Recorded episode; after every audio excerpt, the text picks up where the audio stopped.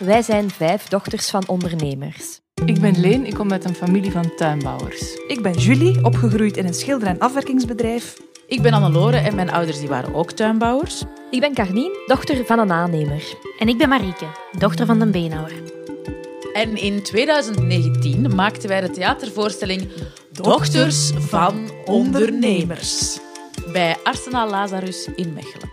En nu is er de podcast. In elke aflevering praten we over één bepaald thema dat te maken heeft met opgroeien in een zelfstandig nest. We hebben daarover onze familie geïnterviewd. En die krijg je te horen. En ook experts ter zake. Ik ben Peter Herman, ik ben historicus en ik ben verbonden aan KADOC KU Leuven. Ik ben Veerle Willaert van Family Dynamics in Business. Ik ben familietherapeut, zeg maar relatiebouwer, familiebouwer. Die komen ook af en toe eens langs.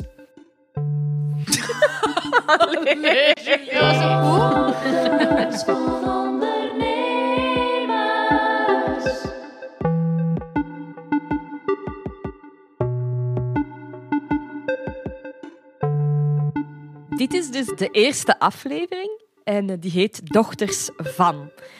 En eh, hierin willen we het eigenlijk graag hebben ja, hoe dat, dat is. Opgroeien in een familiebedrijf of, of, of met, met ouders die, die een bedrijf hebben. Ja, een zelfstandig nest. En eh, ja, hoe dat, dat onze een identiteit beïnvloed heeft. Maar ehm, ja, misschien moeten we beginnen met een voorstellingsrondje. Hè? Ja. Dus wie ben je en waar ben je opgegroeid? Eh, wel ja, ik ben eh Annelore. Ik ben eh, een dochter van tuinbouwers. Allee ja, seriste of niet. Ik, ik heb eigenlijk nooit goed geweten hoe dat je dat moest zeggen. Eh, Hoveniers. Hoveniers, ja. Landbouwers, of dat mocht ik wel niet zeggen, dat weet ik. Mijn zus die zei eh, bedrijfsleiders. Kijk, voilà. en dat is eigenlijk ook al eh, van generatie op generatie op generatie. Wel allemaal hun eigen bedrijf gestart, maar toch, allee, dat zat in de familie. Ehm, ik ben opgegroeid tussen tomaten en dan komkommers en dan uiteindelijk courgetten eh, op een zeer groot domein. Ah, nee, proficiat daarvoor. Dank u. Ehm, mijn naam is Julie en ehm, ons huis stond naast het schilder- en afwerkingsbedrijf van mijn vader. Ehm, en dat is eigenlijk ja, een eh, bedrijf dat al drie generaties teruggaat. Mijn overgrootvader had een olie- en verfwinkel. Mijn grootvader was schilder, allee, echt zo ja, vakman eigenlijk. En, eh, en mijn vader heeft daar dan een bedrijf van gemaakt. Dus een schilder- en afwerkingsbedrijf. Voilà. Ik ben Marieke en ik ben de dochter van een Beenhouwer. Eh, dat wordt in het dorp ook altijd zo gezegd, hè, de dochter van de Beenhouwer. Maar eigenlijk was het een Beenhouwersfamilie. Eh er zijn bij ons zes generaties Beenhouwers, ehm, allemaal rond dezelfde kerktoren. Amai. Ehm, en ik ben samen met mijn twee broers opgegroeid naast de winkel waar mijn ouders eh, in de winkel stonden. Eh, ik, ik ben Carlien en eh, mijn vader dat is een aannemer. En eh de bureau die was bij ons in, in huis en daar deed mijn mama vooral de administratie. En onze garage die stond vol met gerief en eh, ja, bouwmaterialen. En ook, er stond ook een camionet op de oprit. En ik ben ook ehm, kleindochter van schrijnwerkers en een, een firma in diepvriesproducten. Een van de eerste in België trouwens. En ehm, dan ben ik ook nog de achterkleindochter van mensen met winkels. Een winkel in liqueur. Wat was dat nog? Ehm, een feestzaal. ehm, en boeren. En iemand die import en export van suiker deed. Een radiowinkel. Echt, maar eigenlijk echt, echt van alles. Want, maar er was toch ook iets met nylonkoos, niet? Eh, ja, mijn grootmoeder heeft dan ook nog ergens een connectie met degene die dat uh, panties zonder stiksel heeft Of zo. Ja. Ik ben Leen en mijn familie die zat ook in de tuinbouwsector, Ja. zoals Annelore. Klopt. En bij ons waren het tomaten. Mijn grootouders die hebben dat bedrijf opgericht en mijn moeder die is daarin opgegroeid, in en naast de serre. En haar broer heeft het bedrijf overgenomen. Ons moeder die is daar altijd blijven wonen. Ik ben daar dus niet echt opgegroeid, maar wij kwamen daar als kind heel veel spelen vooral. Ja. Gigantische speeltuin, hè, zo'n serre. Absoluut. Maar wij hadden, ja, wij hadden van die mega camion en als die bash openging, dat was een podium en zo. Hè?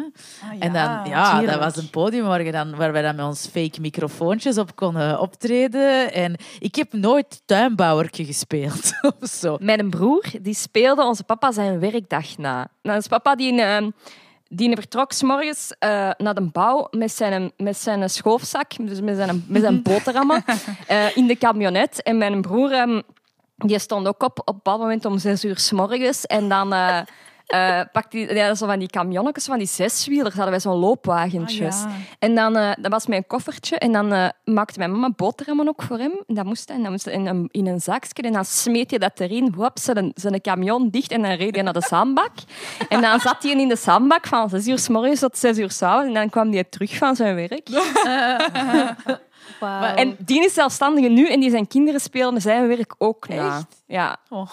ja. Die, Dus die mijn- bakken wafeltjes. die bakken wafels, ja. Ik speelde ook wel heel veel bureautje. Nu dat ik er nu over nadenk, ik had, eh, ik had ehm, een groot, groot blad met grote lijsten. Een soort ja, boekhoudding. En ik, ik deed niet liever dan namen uitvinden, dus van werknemers, die dan in mijn bedrijf werkten. En dan schreef ik daarnaast een beetje hè, een werkhouding. Zo van, die is altijd op tijd, maar een beetje te traag. Dat was dan voor mij bureautjes spelen of immobiliën spelen. Ah ja, papier en Excel spelen of zoiets met stickertjes en zo. Want er was altijd heel veel gerief. Hè. Er waren altijd zo balpennen en zo stiftjes en zo. Ja, en, maar en dat- stickertjes en zo. Dat is, Dat is het. Ik denk niet, ik denk niet per se dat wij meer winkeltje hebben gespeeld dan andere kinderen, niet van zelfstandigen. Maar wij hadden gewoon wel al het gerief. Ja. Wij moesten niet met een plastieke kassatje klooien. Je had gewoon wel een echte kassa en een echte bel. En je En hebt echt wel- geld. Nou ja, als het aan lonen waren, dan waren er zo grote briefjes. En dan, dan mochten we dan die briefjes zo... Dan kopieerden we dat. Dus dan hadden we echt zo van die pakken geld met zo echt van die grote brieven om dan zo... Ja, dat was zo... Dan speelden we chique madame.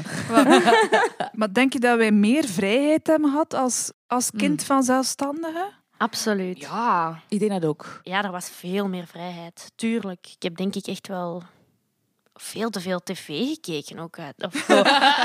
Wij als kinderen wij zijn ook in de vakantie en zo nooit moeten opstaan om snel aangekleed te worden, om weer naar een of andere opvang gebracht te Nee. worden. Dat was gewoon, wij konden uitslapen, wij kwamen naar beneden, de tafel stond. En dan werkte die van 6 uur s morgens tot 12 uur s avonds. En dan, of dan legden ze ons in bed en gingen ze terugwerken. En dan kwamen ze terug binnen. En dan was heel de boel ontploft. En dan zei ze... Mogen had zo schoon gespeeld. Oh. En ik denk dat dat ook zo'n heel het ding was met mijn moeder vaak. Zo, dat je voelt dat je niet alles kunt geven in dat bedrijf. Je voelt dat je niet alles kunt geven als moeder. Zo die verscheurdheid. En ik denk dat die daarom ons zo had van... Doe maar, mannetjes. Want ik ben, allez, ik ben een aan het werk. Doe maar, mannetjes. Eh, zo dat, toch vanuit een soort van schuldgevoel of zo. Ja. Mijn mama vond dat blijkbaar ook wel lastig. Ehm, ik ga het daar zelf laten uitleggen. Ik heb eh, namelijk mijn ouders geïnterviewd en hier hoor je een fragment uit. Ik ben daar wel en niet fier op. Allee, soms zeggen mensen aan mij, ja, en hoe heb je dat allemaal gedaan? Zeg ik, ja, die gingen wel alleen naar de tandarts, want ik, ik kon soms niet. En dan, daar ben ik, dan denk ik, allee, ze hebben dat toch maar allemaal flink gedaan, maar achteraf denk ik, ja, is dat nou echt zoiets om fier over te zijn, dat ze dat allemaal zo flink hebben gedaan? Ja, ik denk wel dat je wel eh, sneller zelfstandig zit geworden, of, of ja, Er rapper worden, doorgaat. nu, er worden nu veel te veel kinderen gepamperd. Ik wist dat niet, maar zij, zij heeft daar ook wel zo over zitten nadenken van... Ja, je, je bent in dat bedrijf, je bent thuis en je bent er... Ze zegt dat zelf ook, je bent er wel en je bent er niet. En ik heb daar nooit zo als kind... eh, ja, je ziet een duidelijk verschil met vriendinnetjes. Daar staan vier uur de koek en, en het geschild appeltje staat op tafel. Ah, want als jij van school kwam, dan was de winkel nog open natuurlijk. Ja, tot zes uur. Wij kwamen smiddags ook samen eten en dat is zalig. Dat je, je bent op heel veel momenten samen en die zijn er altijd. Maar op andere momenten, ja, je moest het dan wel gewoon zien op te lossen. Je gaat alleen naar de tandarts. Je, gaat, je belt ook alleen naar de tandarts. Dat ik zoiets had, "Hè, maar dat moeten mama's toch doen? dat, ja, dat is heel dubbel. Op andere momenten heb je veel meer dan andere kinderen. En op sommige momenten van een dag zijn je echt heel alleen en moet het maar zien, zien op te lossen. En als er echt iets is, kunnen we wel iets zeggen. Maar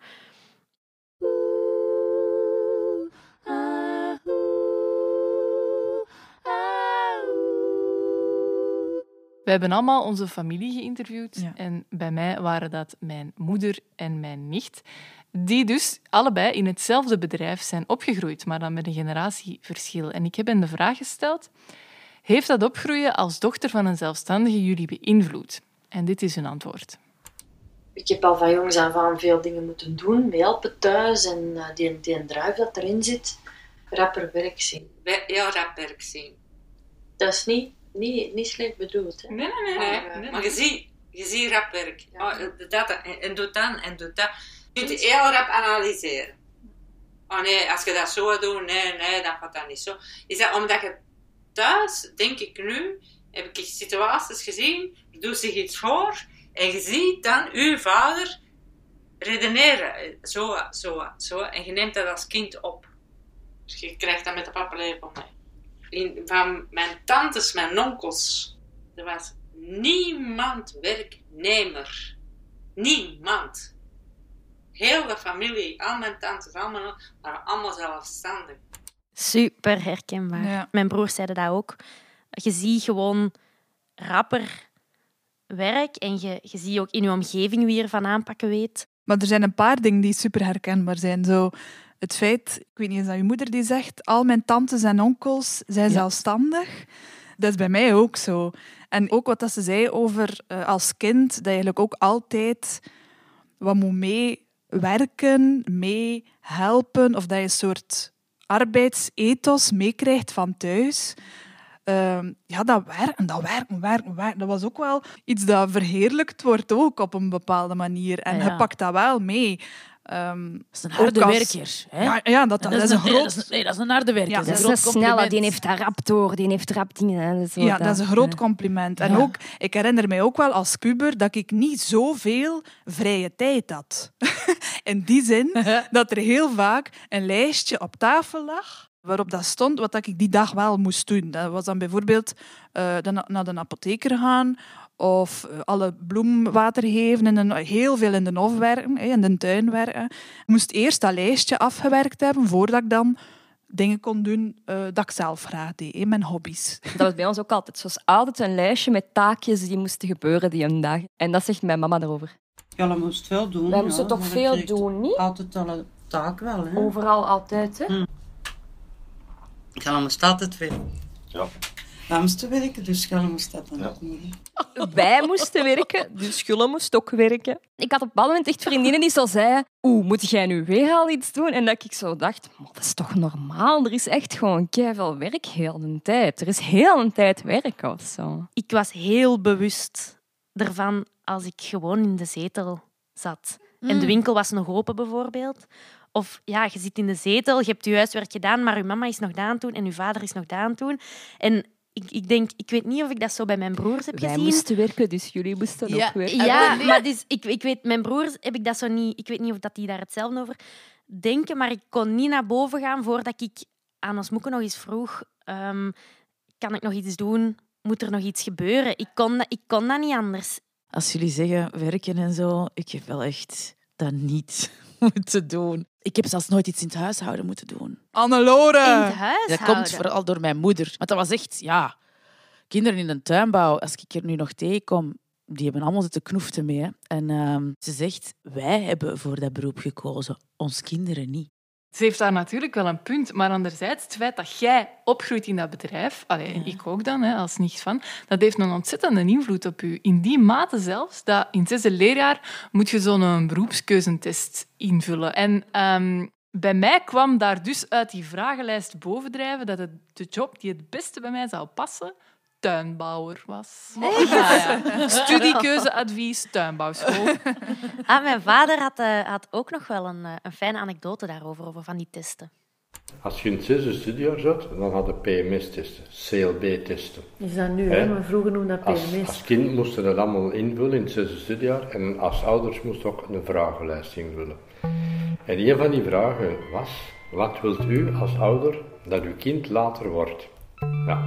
En een papa en een moe, die hebben daar zes keren ingevuld, gelukkig. Dat is mooi, hè?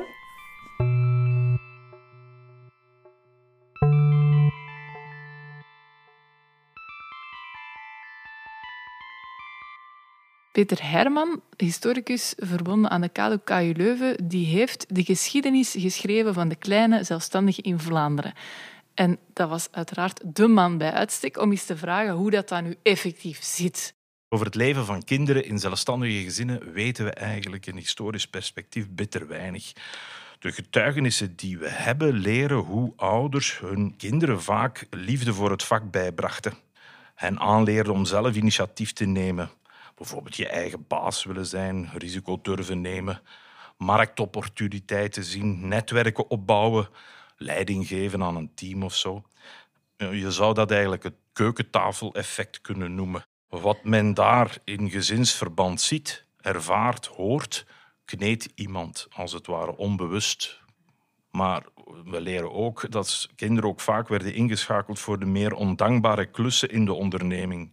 Opruimen en kuisen, bestellingen rondbrengen, maar ook de prijzen gaan noteren bij de concurrentie bijvoorbeeld. In ieder geval werd aan kinderen bijgebracht dat ze zich altijd als onderdeel van de onderneming moesten gedragen. Dat ze als het ware de representant, de vertegenwoordiger van het familiebedrijf waren. Ze moesten zich dus gedragen, niet uit de band springen en beleefd blijven tegen iedereen, want iedereen was een potentiële klant. Maar heb jij dat niet ook heel hard, Marieke, als kind van een winkel echt? Dat je zo wel het, het gezicht ook zei van die winkel? Ehm, ja, omdat je er ook gewoon vaak op wordt aangesproken. Nu, Ja. Mijn ouders waren ook wel vrij... ehm, ja, dorpsgezichten, dat klinkt nu Ja, zo. Maar nee, die waren nee, echt heel is- actief. Ja, je wordt daar gewoon wel heel erg op aangesproken. Of je hebt al vrij snel door... Ah, mensen weten wel wie dat ik ben en weten ook wie mijn ouders zijn en grootouders zijn, want die hebben ook in de winkel gestaan. Je zei je daar wel bewust van, van ah ja, mensen weten wie dat ik ben.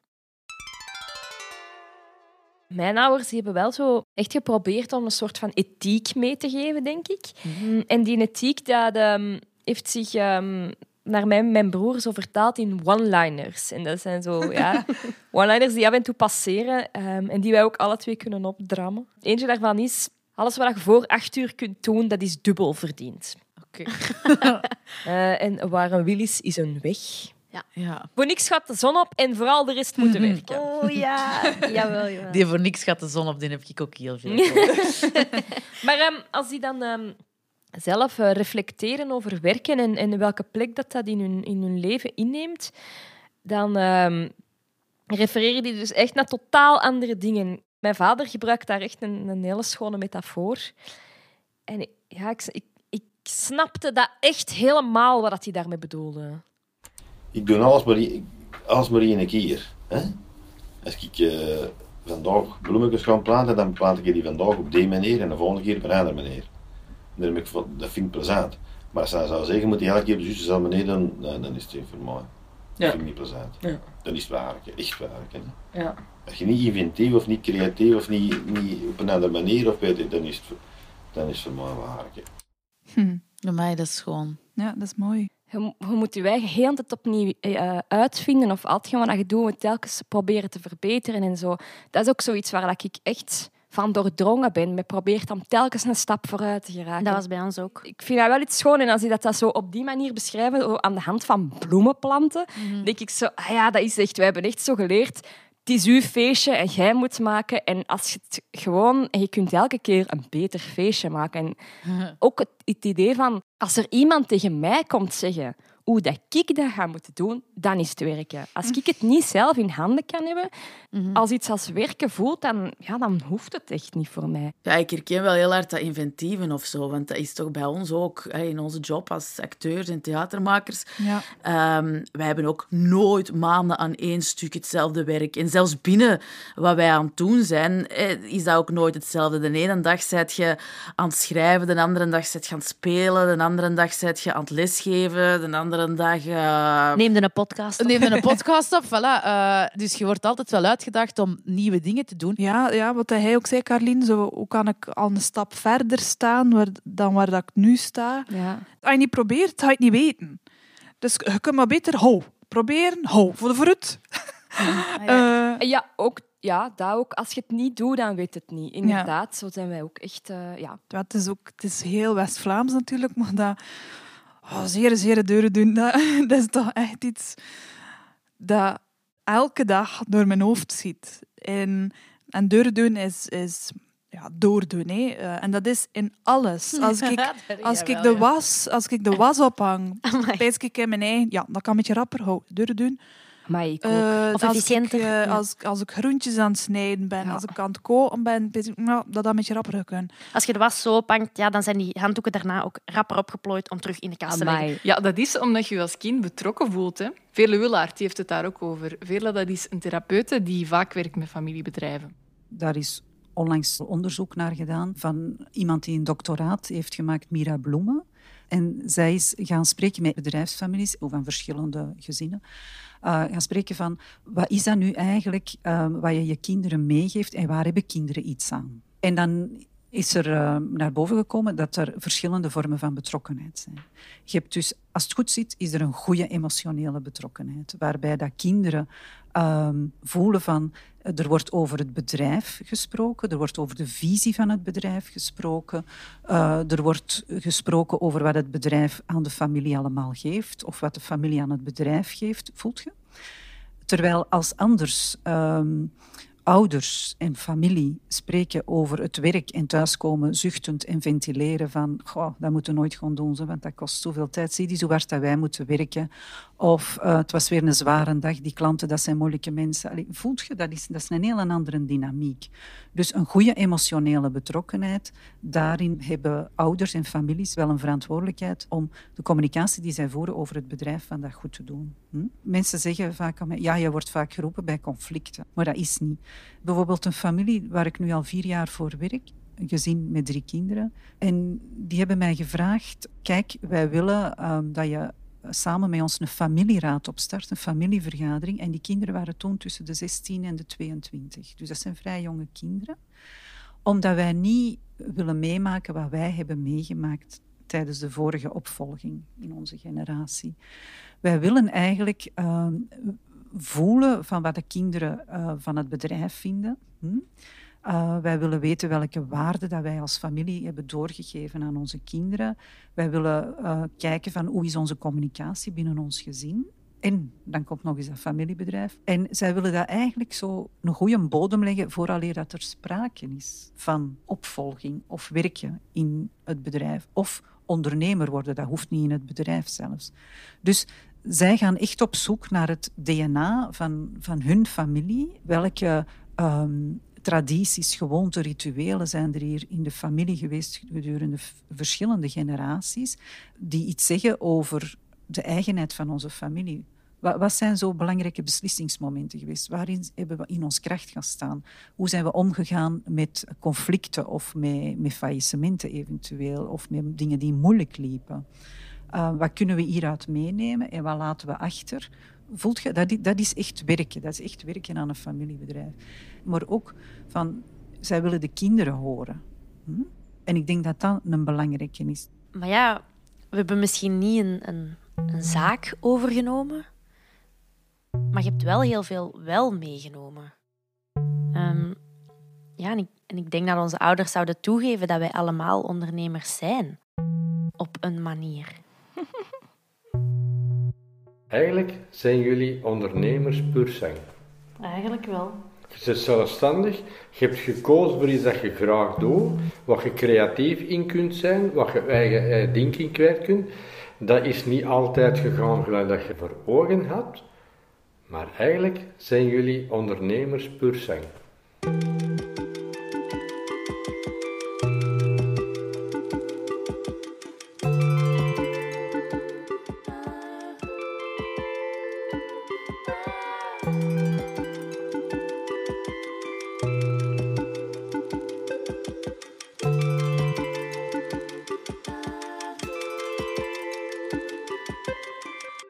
Volgende aflevering van Dochters van Ondernemers gaat over zere, zere deuren doen. Wat blief? Uh, ja, zere deuren doen. Hè. Dus rap doordoen, doorwerken. Ja, inderdaad. Stapje rapper. Trefekke, trefekke, is leuk. Gas geven.